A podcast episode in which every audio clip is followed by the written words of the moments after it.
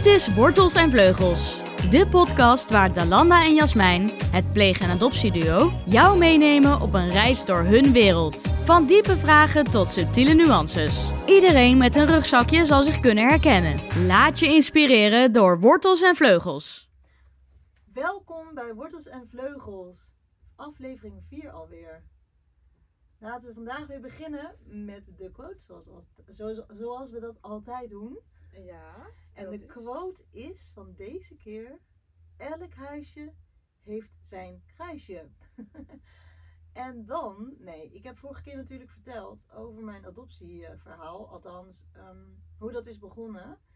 En eh, ja, ik heb eh, niet heel veel verteld over eh, het kruisje van het huisje. in Dat zeg je dat mooi. in mijn- biologische familie. En ik weet er natuurlijk vrij weinig van. Je krijgt papieren mee, of papieren mee.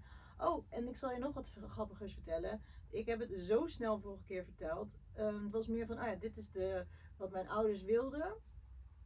Ze hebben zich ingeschreven, hoppa, en dan komt een kind. Maar daar gaat een heel lang proces aan vooraf.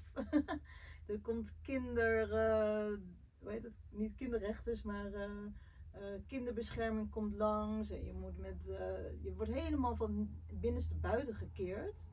En ehm, ze kijken naar alles, of hoe lang je getrouwd bent, hoe lang je bij elkaar bent, eh, hoeveel geld je verdient, in wat voor huis woon je. Je moet volgens mij ook een koophuis hebben. Ja, dat je Ehm, vorige keer even verteld inderdaad. Ja, je moet echt onwijs veel regeltjes. Je moet allemaal kunnen afvinken. Ehm, en dan duurt het gewoon heel lang. En nu is het zelfs zo, als je een kindje kiest met een handicap, dan heb je nog voorrang. Vroeger ja, kreeg je gewoon, mocht je dus kiezen van oké, ik wil per se een gezond kindje, ik wil een meisje, ik wil een jongetje. Dat kan tegenwoordig niet meer, denk ik. Maar dat kon vroeger wel. Nou, mijn ouders wilden graag een meisje en toen kwam ik. Maar Mm, dat heeft wel jaren geduurd hoor, dat proces. En, ehm, ehm, en mijn moeder, die dus, mijn biologische moeder, die zwanger was, ja, die, is- die, die gegevens, hoe haar familie in elkaar zat, wat haar leeftijd is, ja, dat staat dan in papieren. En die krijg je uiteindelijk mee. Ehm, dus dat dossier, dat dikke dossier, dat heb ik wel, dat heb ik. Dat is in mijn bezit. Maar heel veel kan ik daar niet uit opmaken. Het enige wat ik al had verteld is dat mijn moeder tweede vrouw was en dus eh, geen rechten had. Ze was 24 toen ze zwanger was van mij. En zij heeft er dus voor gekozen om te bevallen in een, kinder, of in een ziekenhuis bij het kinderthuis. Ehm, maar van mijn vader weet ik vrij weinig. Ik weet wel namen, maar ja, die zijn niet belangrijk. Ehm, maar ik had informatie genoeg, genoeg om wel te gaan zoeken. En dat heb ik wel geprobeerd. Maar toen was ik 16 en dat is ja, zonder succes. En later, op, toen ik 23 was, ook nog een keer geprobeerd. Ook zonder su- succes. En het is niet dat ik heel mijn leven dat per se wilde, echt er naartoe verlangde. Dat heb ik eigenlijk nooit gehad. Mijn broertjes daarentegen denk ik wel iets meer. Maar Je broertje uit Colombia. uit Colombia, ja. David kwam in 84 en mijn jongste broertje Benjamin, toepasselijke naam, kwam in 90 of 89. Ehm, en zij, mijn, toen mijn oudste broer zijn eerste zoon kreeg, toen had hij wel zoiets, oké, nu wil ik ook weten waar ik vandaan kom. En toen is hij gaan zoeken via Spoorloos, nou, met succes eh, gevonden, in 2008 was dat. En toen is mijn jongste broertje Benjamin dus wel aangewakkerd van oké, dat wil ik dan ook. En die is toen ook gaan zoeken. Mm, en dat is hem ook gelukt. Hij, zij hebben echt hun familie gevonden. En dat wilden ze, dat wenste zij, ook heel erg voor mij. Echt, ze wenste het nog meer voor mij, heel lief. Dan ik dat eigenlijk voor mezelf wenste. Want ik dacht, ik ben happy. ehm, en ik hoef het niet te weten. En ik ben daar later in 2021 of 20 zelfs nog. Ik heb het toch nog een keer geprobeerd, omdat ik mensen heb leren kennen uit hetzelfde kinderthuis als waar ik vandaan kom. En zijn vriendin die had echt een stichting die dus voor geadopteerde kinderen uit Indonesië zocht. En zo hebben zij mij ook geholpen. En toen kreeg ik een telefoontje. Ja, we denken dat we je moeder hebben gevonden. Dat was rond kerst. Dus ik zei, oké, cool. nou, stuur maar een foto dan, want ze hadden een foto. En ik zag die foto en ik dacht, huh? Nee, ik kan echt, dit voelt zo niet als mijn moeder. dit is zo niet als het wel is, is dit zo niet mijn moeder. En ik dacht, en eens, ik was ook niet in Nederland, ik was in Spanje. En ik had mijn ouders al even een tijdje niet gezien. Het was ook een lastige periode in die, tijd. Ehm, wat er in de wereld allemaal gebeurde. Ehm, en ik dacht ineens wel, oh, nu komt gewoon het besef dat ik zo blij ben met mijn adoptieouders. Dat zijn gewoon mijn ouders. En dankjewel, biologische moeder, dat je mij op, op de wereld hebt gezet. En eh dankjewel voor alle lessen en alle dingen die ik daar vanuit daar heb eh, meegekregen en heb ge- mogen leren. Maar ik ineens omarmde ik mijn adoptieouders zo erg. Met alle, eh, ook de mankementen en de dingen waar ik met ze tegenaan ben gelopen. Ineens veranderde dat. Het transformeerde gewoon. Dat idee had ik. En ik heb daarna ook heel erg met mijn ouders over gesproken. Mooi is, ik heb mijn ouders al eventjes niet gezien. Maar ehm, onze band is denk ik alleen maar sterker geworden. Omdat je elkaar, je wordt ouder ook. En mijn ouders zijn ook eh, ja, persoonlijke ontwikkelingen doorstaan. Dan kom je gewoon wel dichter tot elkaar. En er is gewoon meer, ze zien, ze snappen het meer, ze zien me meer. Ik vertel ook meer. En ik heb nooit een blad voor mijn mond gehad. En dat vonden ze soms wel lastig, want ik knalde altijd alles eruit. Ik ging ook, mijn moeder altijd, oh je gaat altijd zo snel. Je bent altijd 20 miljoen stappen vooruit. En dan ben ik nog met stap 1 bezig met jou. maar er is gewoon veel meer ehm, luchtigheid, wat ik heel fijn vind. En ja, en dat heb ik, helaas heb ik die connectie en band nooit met mijn biologische moeder eh, mogen hebben. En eh, eh, het enige wat ik van haar, denk ik, heb meegedragen is, denk ik ook, ik denk ook dat je dat doorgeeft, toch? Je geeft dingen door. En of je het nou bewust of onbewust door hebt. Maar ehm, ja, we hadden het in de vorige aflevering over mijn eh dwangneurose en angsten. En die komen voort uit, hè? niet goed genoeg voelen, maar vooral niet veilig voelen. Maar mijn biologische moeder heeft denk ik ook wel angsten gehad. Want ga maar eens eh, een kind op de wereld zetten die je daarna af moet geven. Of hoe zeg je dat? Weg moet Afstaan, afstaan. En, en dan die emotie die zij bij zich droeg al in de buik. Ehm, ik weet vanuit ja, de informatie is dat mijn moeder ook niet goed werd behandeld. Ik weet ook dat mijn moeder werd mishandeld. eh, Ook terwijl ik in de buik zat. Nou, dat krijg je dan ook denk ik mee als eh, kindje in de buik. En ook eh, misbruikt. Ehm, ja, in de ergste vorm. En ehm, dan ja, geef je dat toch wel mee aan een kindje. En als je dan ook nog eens een kindje adopteert, en die heeft dus ook allemaal weer tekortkoming, want die eh, hechtingsprobleem, want je bent eh, eh, afgestaan en dan kom je in een gezin. Ehm, en mijn adoptiemoeder had ook wel angsten, onzekerheden. En als kind ga je toch kijken wie ga ik, hè, waar, ja, wie ga je volgen? Het is of de vader of de moeder. En ja, mijn moeder was er altijd, want mijn vader was altijd aan het werk. Dus mijn moeder was er altijd dag en nacht voor mij. Die was er wel, altijd. Maar ja, dat zag ik ook als mijn voorbeeld. Dus alle angsten of onzekerheden die zij had, die ik ook nog als, als kind had, die ik al meenam naar Nederland. Ja, dan wordt dat extra gevoed. En dat wordt waarschijnlijk ook extra bevestigd dat dat oké is. Want dat zie je als voorbeeld en dat draag je al bij je en dat wordt alleen maar uitvergroot. Ja, gelukkig, gelukkig, gelukkig ben ik wel echt door altijd ben ik mijn ehm, angsten die ik tegen ben gekomen in het leven in alle soorten en maten ben ik altijd aangegaan. Want ik voelde als klein kindje al, ik voelde dat vuur in mij en ik zag altijd al de toekomst dat ik ik wilde dat bereiken. Ik wilde al, dat vuur was echt zo passioneel bijna dat ik een dat ik het goed zou gaan hebben. Dat ik dat ik geluk ik wilde er altijd doorheen breken. Ik wilde Enorm veerkrachtig. ja, ja, dat is dan veerkrachtig. En ik, en ik wilde niet bij de pakken neerzitten. Natuurlijk, je dat, dat doe je misschien wel, ik weet het niet. Maar ik wilde er gewoon keihard doorheen. Ik weet wel dat ik als kind, dat vertelde mijn moeder dan in de puberteit. Maar ja, dat heeft elk kind denk ik in de puberteit. Was ik eh, geen makkelijk kind en heel erg boos. boos op de wereld. Dus ging ik ook hele boze dingen doen. Maar ja, ja als je ik dan wel echt je angsten overwinnen. en wel mijn angst overwinnen. En, eh, ehm, ehm, wat ik wilde zeggen is dat nou, elk huis heeft zijn kruisje. Dat kruisje dus bij mijn biologische familie, dan heb ik, dat heb ik dan nooit in levende lijven gezien of gevoeld. Maar wel meegekregen wat mijn moeder misschien al had tijdens dat, dat ik in de buik zat. En toen ik eruit was, dat je dan wel iets doorgeeft aan je kinderen. Ja, trauma's worden wel ook doorgegeven van generatie Ja, op dat, generatie. bewust en onbewust. Ja, En zeker ook, er zijn ook wel onderzoeken naar gedaan dat dat al begint op het moment dat de, ja, de foetus, dat, het- dat het kindje in de buik zit.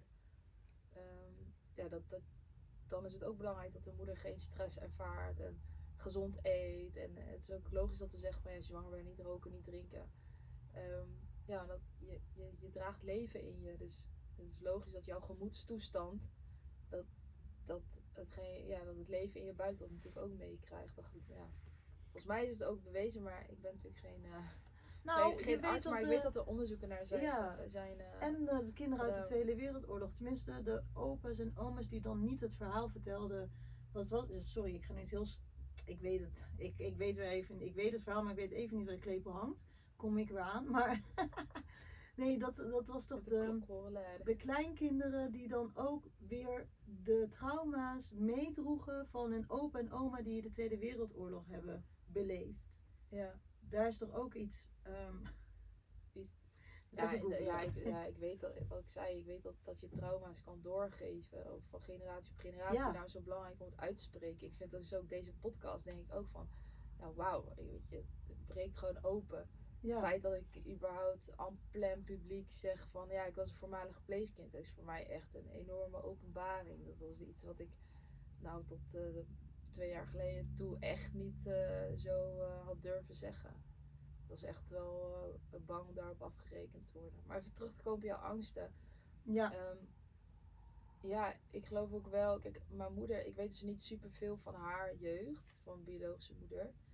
Ehm, ik weet wel dat, doordat ik hem, nou, ik heb een brief gevonden die ze had geschreven op een gegeven moment naar haar broer. Eh, daar haalde ik wel wat dingen uit op, van dat, dat, dat zij niet op emotioneel vlak, dat ze niet makkelijk kon communiceren met haar moeder. En als ik me terug herinner, oh ja, hoe, ik was natuurlijk heel jong, hoe ik eh, mijn, oma ervaarde, was het wel, ja, was het, had ik niet het idee dat ze wel, wel lief, maar niet een super warm persoon was. Maar ja, dat is natuurlijk mijn kindherinnering en heel kort. Ehm, maar mijn moeder kampte natuurlijk met psychische problemen. En eh, ze had op een gegeven moment een burn-out. En ze werkte dus veel nachtdiensten, had ik het verteld. En veel onregelmatige diensten. En ze was hoofdkostwinner. Eh, mijn vader die natuurlijk eh, traumatische gebeurtenissen heeft meegemaakt. Die komt in een ander land. Ehm, en toen ehm, ehm, is mijn, was mijn moeder zwanger van mijn zusje. Die is toen dus na de, geboor, eh, na de, na de scheiding van mijn ouders geboren. Eh, mijn zusje is in januari geboren, 92. En toen eh, is mijn tante ehm, de maand daarna is dus de zus van mijn moeder voor de trein gesprongen. Een maand Een maand later. nadat jouw Ja. zusje is geboren. Ja, ja. En hoe oud was ze toen? Eh, ze was dan ergens in de 30. Oh, zo jong nog. Eh, ze was een, er- ja, ehm, eh, mijn tante. Ja, Was ja, ja, jouw in de tante, 30. ja. Ze scheelde zeven jaar. En, oh, dat kan ik trouwens terugrekenen. Volgens mij was mijn moeder 40 toen zij mijn zusje kreeg. Dus was zij 33. Ja. En ehm, Dus- En, en had ze daarvoor al problemen? ja, ze was geboren met een klompvoet. Ja. Ehm, en ze was dan de jongste eh, in het gezin. En eh, wat ik heb begrepen is dat zij een, in ieder geval een vriend had die. ehm, dat ze een vriend had en dat, dat zij op een gegeven moment eh, drugs is gaan gebruiken. Wat en hoeveel, dat weet ik allemaal niet. Maar dat ze een moeilijke relatie had met de, de rest van de familie. Mijn moeder worstelde daar ook mee. Mijn moeder hield heel veel van, van haar. En ik weet dat mijn vader, die vertelde mij dat dan, dat, dat niet iedereen altijd even zat te wachten op eh, haar komst, zeg maar. Dat ze niet altijd overal welkom was. En dat mijn vader natuurlijk ook uit een andere cultuur komende het echt super belangrijk vond dat ze wel altijd bij ons thuis kon komen. Dus dat vond ik ja, gewoon wel heel fijn om, fijn om te horen. Ehm, dat, ja, dat er wel ja, Vanuit je vader vanuit warmte mijn was. vader warmte was en, en, en, en het openstaan, niet direct het afwijzen voor als, als er ja, problemen zijn met iemand. Eh, ik weet natuurlijk ook niet de aard eh, en de ernst volledig, maar ja, gewoon die dat gedachtegoed, dat vond ik wel heel fijn. Ehm, maar ja, voor mijn moeder natuurlijk super traumatisch. En ehm, ja, als je natuurlijk je bent, je bent net weer moeder geworden voor de derde keer. Je bent gescheiden. eh, je zus pleegt zelfmoord. Je hebt een burn-out van werk. Ja, weet je, dat is gewoon te, dat is voor iedereen te veel. En ik denk dat het haar dus ook te veel is geworden. Dat is een extra trigger op Ja. de problemen die ze al had. Die ze, ja, dat denk ik wel. En nou ja, goed, wij werden natuurlijk ook niet heel lang daarna eh, uit, huis, eh, uit huis gehaald. En ehm, ja, ik, denk ik denk ook dus, ehm, ja, wat je zei qua angsten. Heb je dat bewust ook dat- meegekregen dat je tante, ehm, tenminste de verdriet en de angst die je moeder voelde misschien en de, alle, alle emoties die erbij komen kijken als iemand, ik bedoel voor de trein springen is gewoon zelfmoord. Ja. Dat is eh, Ze zeggen een wel hele heftige gebeurtenis. Ja, super heftig. En, eh, ehm, eh, ik, ik, ik heb ook altijd die, die trein gezien of zo. En, en dat, dat springen van daarvoor. Ik weet, ik weet ook wel dat. Ik ging toen logeren, toen was ik een jaar 14 of 6. Ja, 14. Nee, iets ouder was ik 16, denk ik. Zeg ik dat goed? Nee. Maar ja, ergens in mijn tienertijd. Toen ging ik logeren bij mijn tante. Mijn andere tante, biologische tante. En ging met de trein. En toen was er ook iemand voor de trein gesprongen. Echt in de trein waar ik zat. En je voelde gewoon dat je ergens overheen reed. Het was echt, Oh. ja, het was echt, echt super morbide. En, eh, en toen Oh. dacht ik serieus, zeg maar zo van, ik ging nooit met de trein. Want ja, ik heb, ehm, ik woon dan in Zeist en ik kon gewoon fietsen. En ja, ik kon al auto rijden. Nee, ik kon nog niet auto rijden, maar ik ging gewoon niet echt met de trein of zo. Serieus, dat kwam misschien twee keer per jaar voor of zo.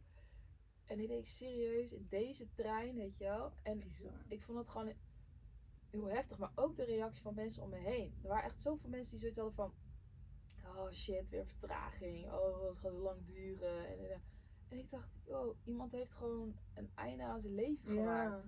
Ik vond het echt, echt heel confronterend.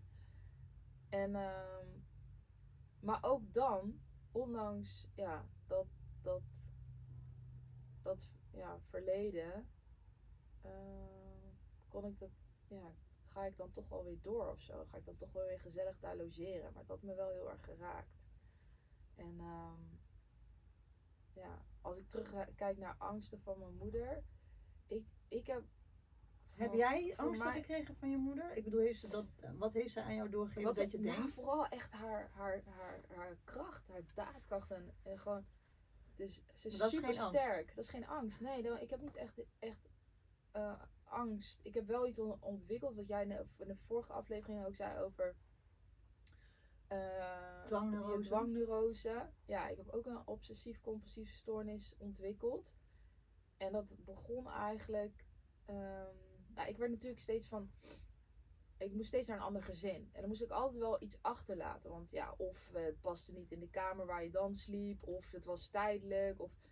En ik vond het heel lastig. Want het zijn jouw spulletjes. Dus ik begon waarde te hechten aan materie. En niet vanwege dat het wel materie is. Maar van dat het van mij is. Ja. Dus het kon ook een pen zijn of zo. Het Ja. ging niet omdat het iets duurs was of zo. Ik heb bijvoorbeeld nu ook een, een toilettas. Die heb ik dan ehm, ja, vanuit het eh, huis in Hooggraaf in Utrecht, toen ik nog bij mijn ouders woonde. Die, eh, ja, die heb ik nog steeds. En dat is gewoon echt een heilige toilettas. Ik gebruik nu niet.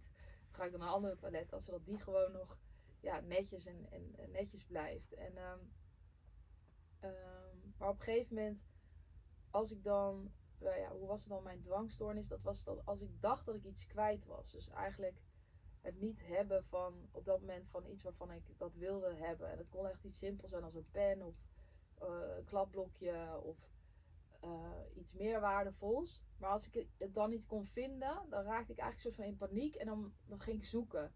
En dat zoeken, dat stoorde mij gewoon in het functioneel dagelijks leven. Want dan kon ik zomaar een uur lang zoeken naar iets onbenulligs. Wat ik meestal eh, dan een paar uur later of de dag daarna terugvond. Het was dus een dwangmatige zoeken. Dwangmatig zoeken, ja. het is Me- het totaal onveilig voelen als je stopt met zoeken.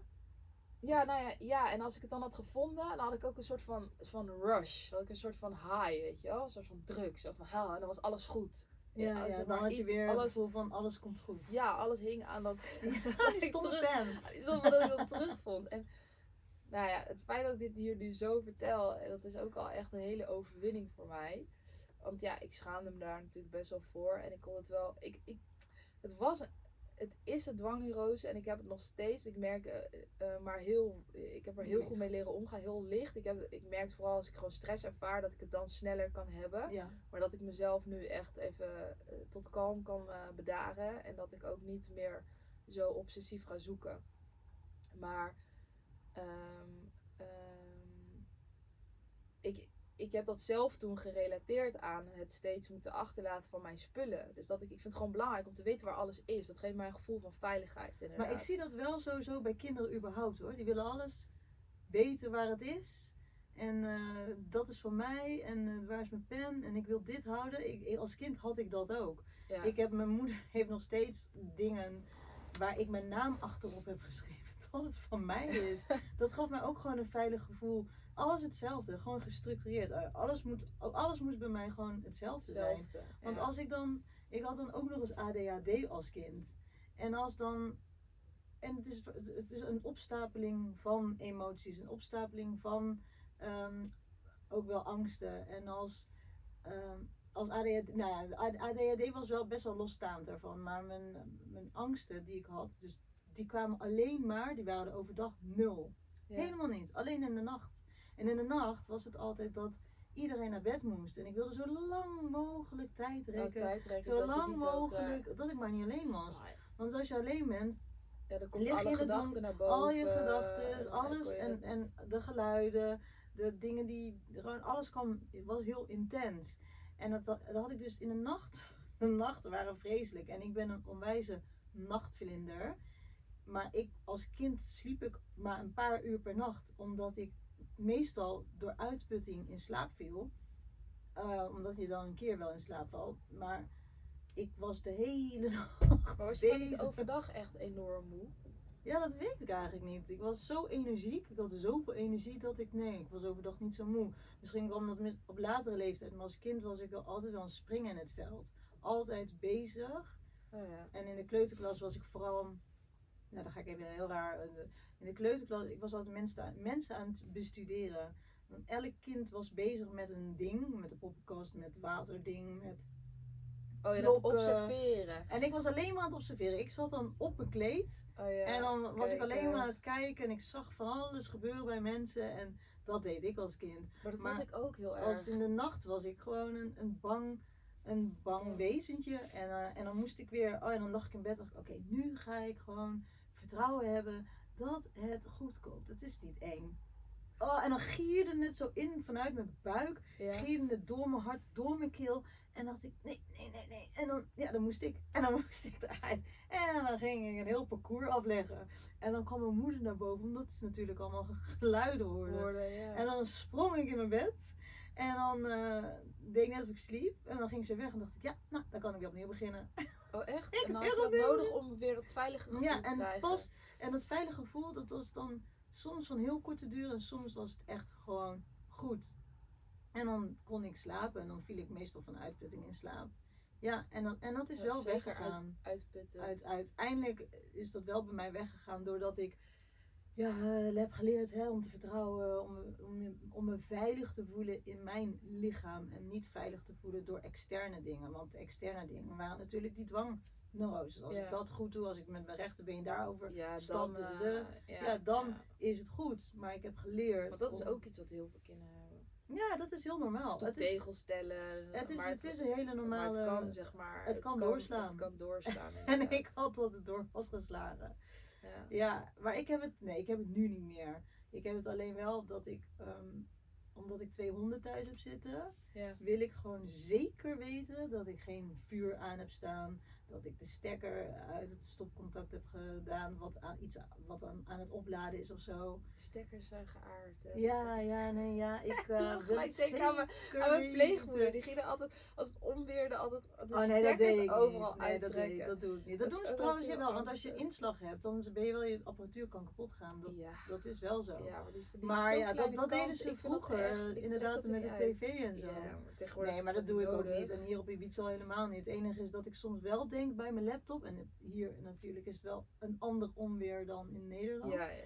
Maar ja, dat, dat ik dan wel even dus, als ik op mijn laptop bezig ben, denk ik, ja, dat is wel echt mijn leven. Dus dan trek ik toch wel even de stekker eruit. Maar verder, nee, verder heb ik er gelukkig En- geen last meer van. Nou, ik heb wel, ik heb wel, ehm, ik heb op een gegeven moment cognitief gedragstherapie gehad. En ook wel met een psycholoog gesproken erover. En, maar, eh, en ik heb dat twee keer gedaan, die, eh, die CGT. En dat heb ik ook echt gedaan specifiek voor, ja, niet om te kijken waar het vandaan kwam. Want dat idee had ik dan wel. Dat dat kwam dus vanuit er steeds spullen achter me te laten. Maar echt sp- specifiek om van oké, wat kan ik doen op dat moment? En eh, nou, dat ging echt van simpele dingen als dan dat je eh, vijf minuutjes even mag zoeken en dan klaar. Eerst even tellen tot, tot vijf. Of even een vierkantje in je hoofd. Zo even, dat je gewoon een gedachte ergens anders.